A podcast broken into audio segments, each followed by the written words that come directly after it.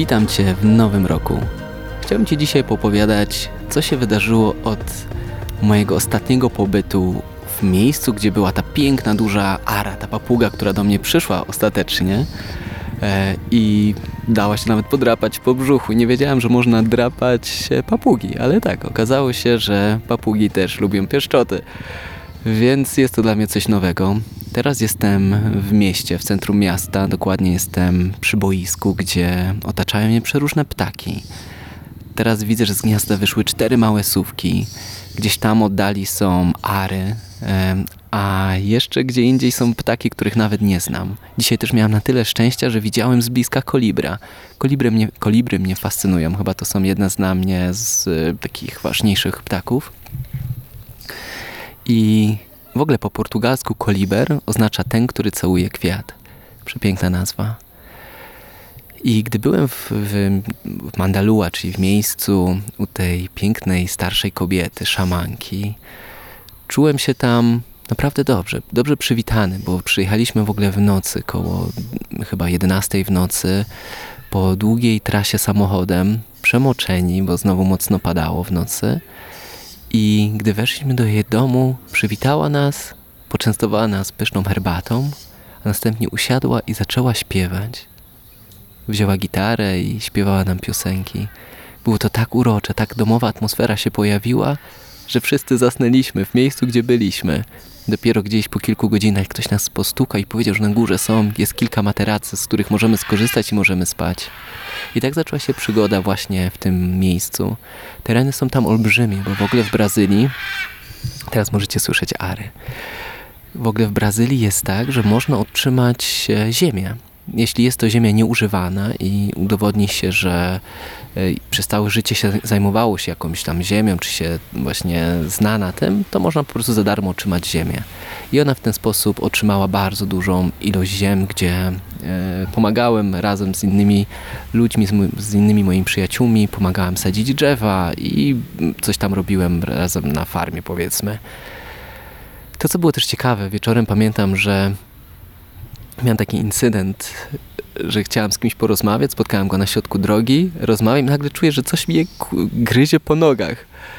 Ja patrzę, a tam mnóstwo mrówek. Musiałem w międzyczasie stanąć gdzieś na mrowisko, których jest mnóstwo w niektórych miejscach, zwłaszcza w nocy, kiedy nie używałem czasami czołówki. Było to po prostu bardzo łatwe do osiągnięcia i jest naprawdę nieprzyjemne doznanie i dosłownie tańczyłem, szybko łapałem te mrówki, starałem się ich nie zabijać, ale niestety się nie dało rady, więc ich szczypywałem i, i naprawdę to było śmieszne. Było tam szczypanie, lekki ból, ale Jejku, to było tak dla mnie komiczne, że czułem po prostu radość, bo po chwili jak już to większość mrówek udało mi się zrzucić, jeszcze miałem to, że kilka mrówek przedostało się trochę wyżej pod spodnie, więc tam gdzieś mnie podgryzały, tutaj gdzieś nagle e, na karku czuję jakieś ugryzienie i nie miałem chyba taki dobry nastrój, że, że raczej mnie to cały czas bawiło. Jednak myślę, że to, o czym chciałbym Ci opowiedzieć, to o kilku procesach. Pierwszy to miałem okazję przy ognisku, właśnie dokładnie w tę noc, kiedy skończyłem ostatni podcast. Gdy zszedłem na dół do, e, do rzeki, gdzie rozpaliliśmy przepiękne, duże ognisko, siedzieliśmy, najpierw graliśmy muzykę, a później była cisza. I zapytałem się, czy chcą zrobić kilka procesów. Pierwsze, co zaproponowałem, to uwolnienie dźwięku, uwolnienie radości. Jest to kilka mantr, których nauczyłem się w Indiach i robiłem, korzystałem z tego narzędzia podczas warsztatu wyraz siebie, czy ekspresja siebie. Więc chwilę uwolniliśmy głos, a potem zapytałem się, czy chcą coś troszkę głębszego. I ćwiczenie, które zaproponowałem, to to, żeby wyobrazili sobie, że jest to że jest to ich ostatnia noc życia. I ludzie, którzy są teraz, którzy siedzą wokół tego ognia, są ostatnimi ludźmi, z którymi się spotkają. I mają teraz, każdy z nich, maksymalnie 5 minut, i jakie byłyby ich ostatnie słowa, jakby podsumowali swoje życie, jakby się pożegnali, co by przekazali ludowi. Było to coś pięknego. Nie do końca w ogóle było to dosyć ciekawe, bo nie wiedziałem, czy ludzie to biorą na serio, czy nie, bo niektórzy nie mówili po angielsku, więc moje słowa były tłumaczone na portugalski, ale gdy ktoś mówił swoją ostatnią mowę, niestety, żeby mu nie przeszkadzać, nie były one tłumaczone na angielski. Więc nie do końca byłem pewny, czy... I, i też były czasami śmiechy, więc nie wiedziałem, czy to jest na serio ludzie to wzięli, czy po prostu się ze mnie nabijają z tego ćwiczenia, ale okazało się mega głębokie. To, co mnie zaskoczyło, to okazało się, że ja w sumie nie byłem gotowy odejść. Nawet poczułem, że moje słowa dotyczyły tego, że proszę, chcę mieć szansę jeszcze przeżyć moje życie, że chcę poczuć, że żyję, że czasami ograniczam się. I też taką ważną decyzję podjąłem a propos mojej relacji. Myślę, że tutaj będę o tym wspominał, bo było to też ważna decyzja z wyjazdem do Brazylii. Tym impulsem też było rozstanie, więc myślę, że tego wrócę zdecydowałem się napisać do mojej byłej partnerki, bo odkryłem w ostatnim czasie, że jeden z powodów, dlaczego całkowicie odciąłem kontakt, poza tym, że chciałem się, był to jakiś taki szacunek do mnie, też opieka, e, bo było jednak tam bardzo dużo emocji, ale zauważyłem, że kryła się tam też duma. I poczułem, że chcę ją puścić, chcę pozwolić, żeby było takie flow, przepływało, bo to jest to, co wypieramy, staje się mocniejsze. Więc a to, że często wraca mi do myśli i staram się to jakoś puszczać. Czuję, że temu daje większą moc. Więc chyba już mam na tyle odwagi, żeby zmierzyć się z tymi wszystkimi emocjami, po prostu z nimi pobyć. Pobyć szczerze. I napisałem wczoraj. Dzisiaj dostałem odpowiedź, że, że nie ma na razie czasu, ale tak, że chętnie porozmawiam. Więc jestem ciekawy. Pojawiło się mnóstwo emocji, ale tak mówię, czuję się gotowy. Czuję, że z każdym wdechem przyjmę to, co się pojawi, a z każdym wydechem pozwolę, by płynęło dalej. Więc tak, zobaczymy, co będzie czekać, zobaczymy, jak ta rozmowa. Niczego nie oczekuję, raczej chcę po prostu już nie walczyć. Zobaczyć, co tam się kryje. Pozwolić poczuć to, co mam poczuć. Miałem dzisiaj też ofertę kilku ceremonii. Mm, dwie takie najważniejsze, które rozważałem, to była ceremonia ayahuaski z ludźmi z Amazonii, e, z Huikuni. Cały czas zapominam, jak się dokładnie nazywają. A druga ceremonia jest organizowana przez kościół. Jest tutaj cały kościół zbudowany na ayahuasce. Czyli oni tam regularnie zażywają ayahuaskę, mają swoje jakieś reguły, pieśni. Myślę, że to też byłoby przepiękne doświadczenie, mm, bo jest chyba bardziej na pewno takie czyste, powiedzmy. Też oni wszyscy mają białe stroje, no myślę, że chciałbym takie coś doświadczyć. Tyle, że trzy dni temu trochę się rozchorowałem. Mm, miałem katar, czułem się osłabiony, ale przeleżałem sobie w hostelu, odpocząłem e, i w trzeci dzień już się czułem bardzo dobrze. W sumie nie miałem, nie mam żadnych objawów, więc e, spokojnie sobie przebywam teraz sam, żeby dać sobie też czas na powrót i myślę, że na razie ceremonie odpadają. Miałem też bardzo ciekawego Sylwestra i chciałem Ci opowiedzieć trochę więcej o mentalności Portugalczyków, bo bardzo mnie to zaskoczyło. Przede wszystkim, przede wszystkim spędziłem ceremonię całego Nowego Roku w tym miejscu, gdzie była ceremonia kakao wcześniej.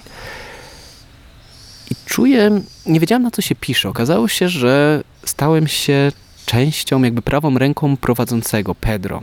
I Pedro jest w ogóle facetem, który odniósł bardzo duży sukces jako nauczyciel jogi w Los Angeles oraz w Brazylii. Jest bardzo majętny, ma bardzo dużą wiedzę, też wiele razy był w Indiach. No myślę, że jest nie doceniałem go wcześniej. Teraz myślę, że jest wybitnym nauczycielem, a jego wybitność jest też częścią mentalności brazylijskiej, czyli budowanie przyjaznej atmosfery. Takim przykładem może być to, że 15 minut przed północą jeszcze wszyscy tam coś jedli. I zaproponowałem, poszedłem do Pedro, że mogę poprowadzić, że ma fajną, fajny proces, e, który może rozpocząć ten nowy rok. I on powiedział, za się? Spójrz, ludzie jeszcze jedzą. Teraz gdybyśmy ich wzięli, to by pojawiło się napięcie, pojawiłoby się takie...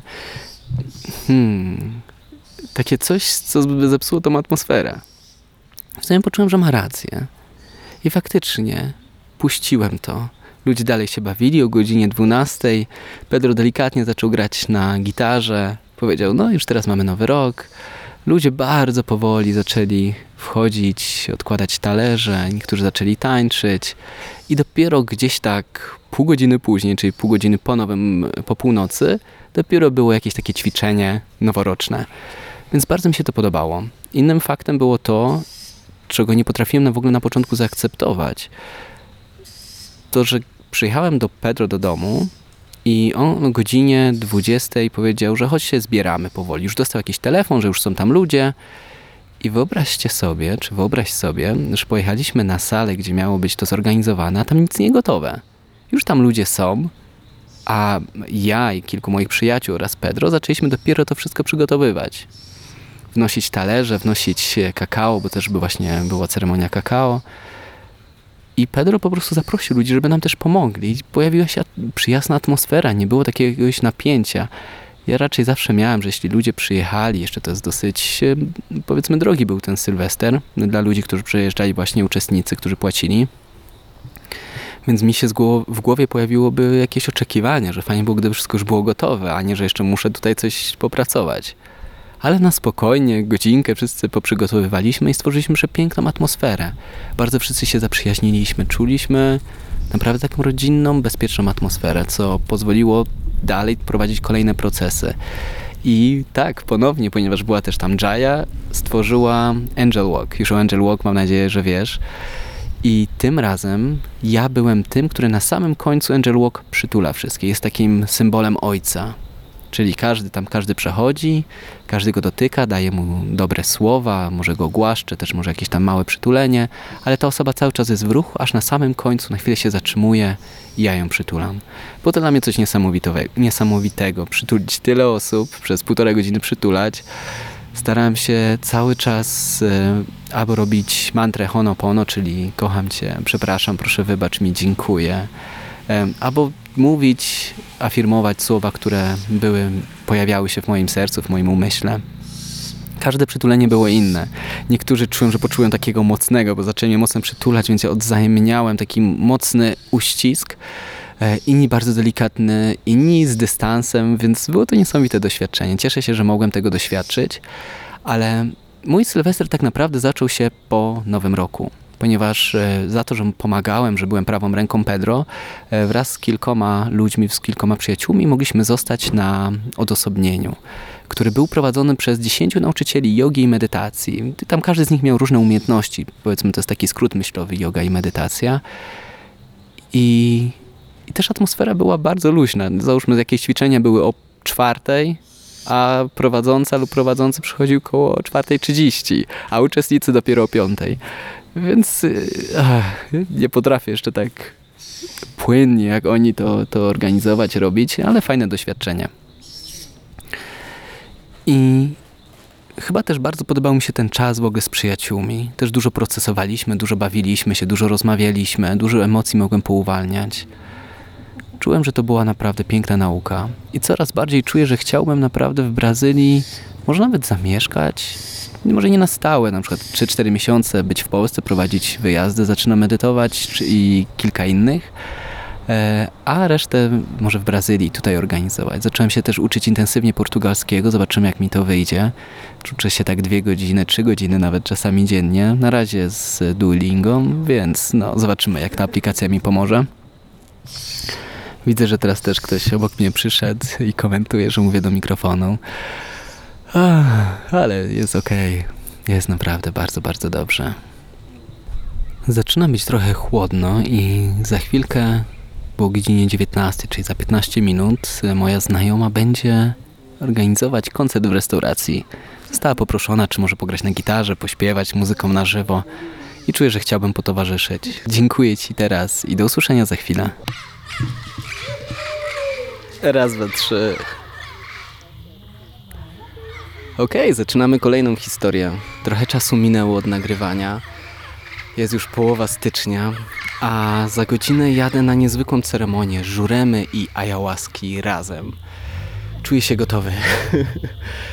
za mną w świątyni przyjechali nowi Indianie. Nowi, ponieważ Indianie, czy ja nie wiem, czy mogę ich tak nazywać. Powiedzmy lu ludzi natywni, native people from the Amazon. Tak będzie łatwiej więc za chwilkę może usłyszysz jeszcze jakieś piosenki za mną. Tak jak powiedziałem, dzisiaj przygotowuję się na ceremonię i czuję pewną ekscytację, um, ale też gotowość. Dzisiaj też od rana nic nie jadłem, piję jedynie soki, wypiłem dwa kokosy, wodę z kokosów i czuję się gotowy. Za godzinę ktoś przyjedzie. O, i jestem bardzo ciekawy tej ceremonii. Moją intencją jest na pewno puścić kontrolę. Sama ayahuasca, którą przeżyłem, była dosyć lekka, jak tak słyszę różne historie. I spodziewam się tym razem, że to będzie mocniejsza ceremonia. Czuję jakiś lęk, ale czuję też i odwagę.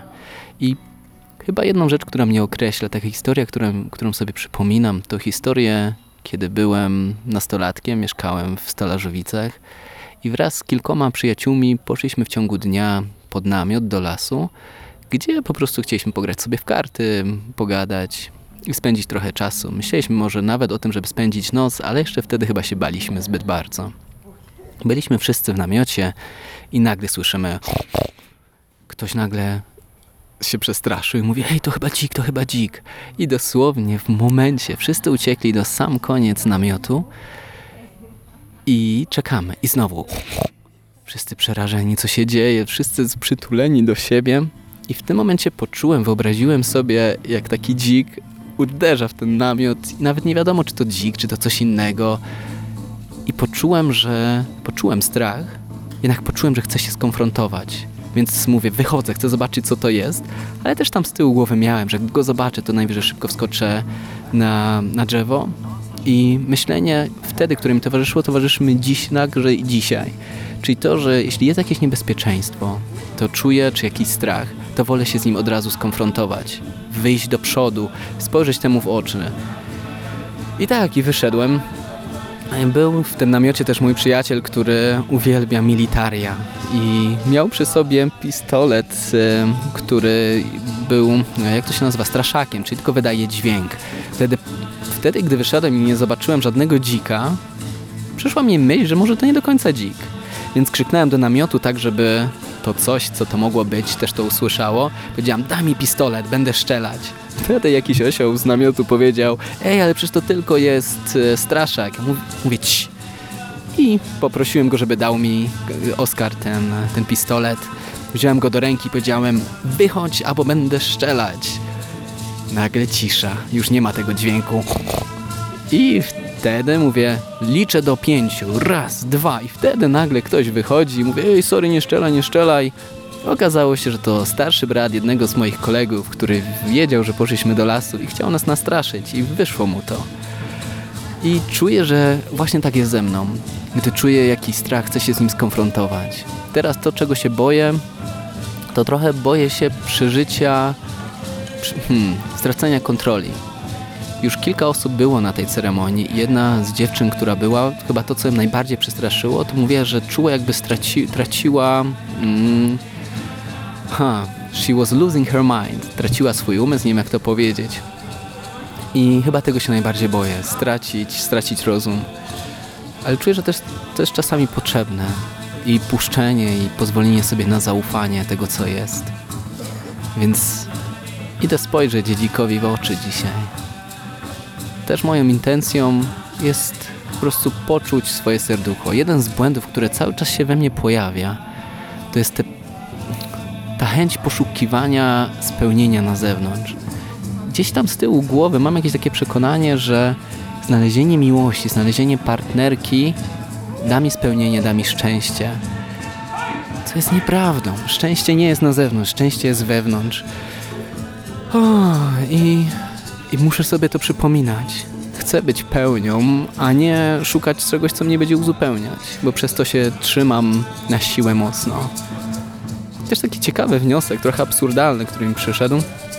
To jest odkąd zacząłem podróżować e, po studiach, to poczułem, jakie okrucieństwo jest hodowanie różnych zwierząt niedomowych, czyli na przykład jak kiedyś hodowałem owady, jakieś jaszczurki, e, niektórzy hodują papugi zobaczyłem, że największą radość te wszystkie zwierzęta mają, gdy są na zewnątrz i też dają mi największą radość, kiedy są wolne, kiedy mogę spojrzeć, kiedy tutaj widzę kolibra, kiedy widzę tutaj te papugi, ary, kiedy widzę dzikie jaszczurki, czy jak ostatnio na rękę przyszła mi modliszka piękna, duża. To jest coś pięknego, coś dzikiego. A jednak jeśli chodzi o kobiety, to mam trochę inne myślenie, że jest to coś mojego. Zamiast mieć podobne myślenie jak do tych pięknych, dzikich zwierząt, że najpiękniejsze są, kiedy są wolne. I na to się otwieram, ale do tego jest też poczuć, potrzebne zdrowe poczucie własnej wartości, własna miłość. I tego się uczę. Też cały czas sobie przypominam o takiej, o tym co mówiłem, o takim szerszym obrazie, żeby widzieć, że gdy jest jakiś cięższy moment, tak na przykład po tej rozmowie z moją byłą partnerką, poczułem, poczułem duży ból, poczułem ogromną znowu złość, potrzebowałem sobie pokrzyczeć. Na szczęście miałem tutaj fajną przestrzeń do tego. Poczułem, że nawet jak są te emocje, to otworzyć się na nie, że to, co teraz przeżywam, jest częścią życia i jest czymś niepowtarzalnym. I że to się zmieni, że za chwilkę będzie coś innego. Jak czuję samotność, to pozwolić sobie na nią i widzieć szerszy obraz, że za chwilę to się też zmieni. I podobnie w drugą stronę, gdy czuję tą radość, gdy czuję, że jestem wśród pięknych ludzi, czy tak teraz śpiewają mi gdzieś tam za plecami cudowni ludzie, to pamiętać o tym, wow, fajnie, że mnie to teraz spotkało. Pamiętać, że takie chwile przychodzą i też za chwilkę odejdą. Za chwilkę pojadę na ceremonię, będzie zupełnie inaczej. I wierzę, że na ceremonii też to będę pamiętać. Gdy będzie coś cięższego, przypomnę sobie, że to przeminie i pojawi się coś innego. I tak w kółko. Widzieć cały czas szerszy obraz. Nie mieć niechęci czy pragnienia, żeby coś trwało lub żeby coś się zmieniło. Tego sobie życzę. Mm. Będę teraz powoli kończyć. Zapiszę sobie więcej rzeczy, które będę chciał Ci opowiedzieć. I na dzisiaj tyle. Dam jeszcze chwilę może dźwięki z świątyni i do usłyszenia. Dziękuję Ci, że jesteś.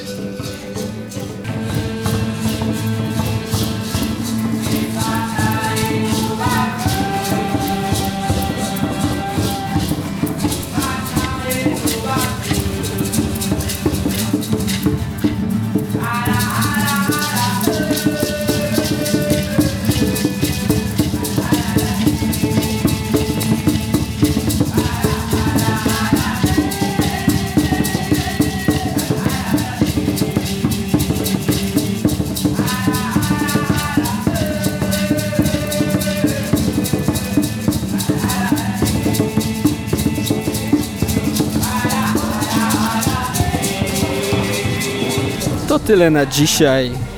Życzę Ci cudownego dnia, wieczoru i do usłyszenia.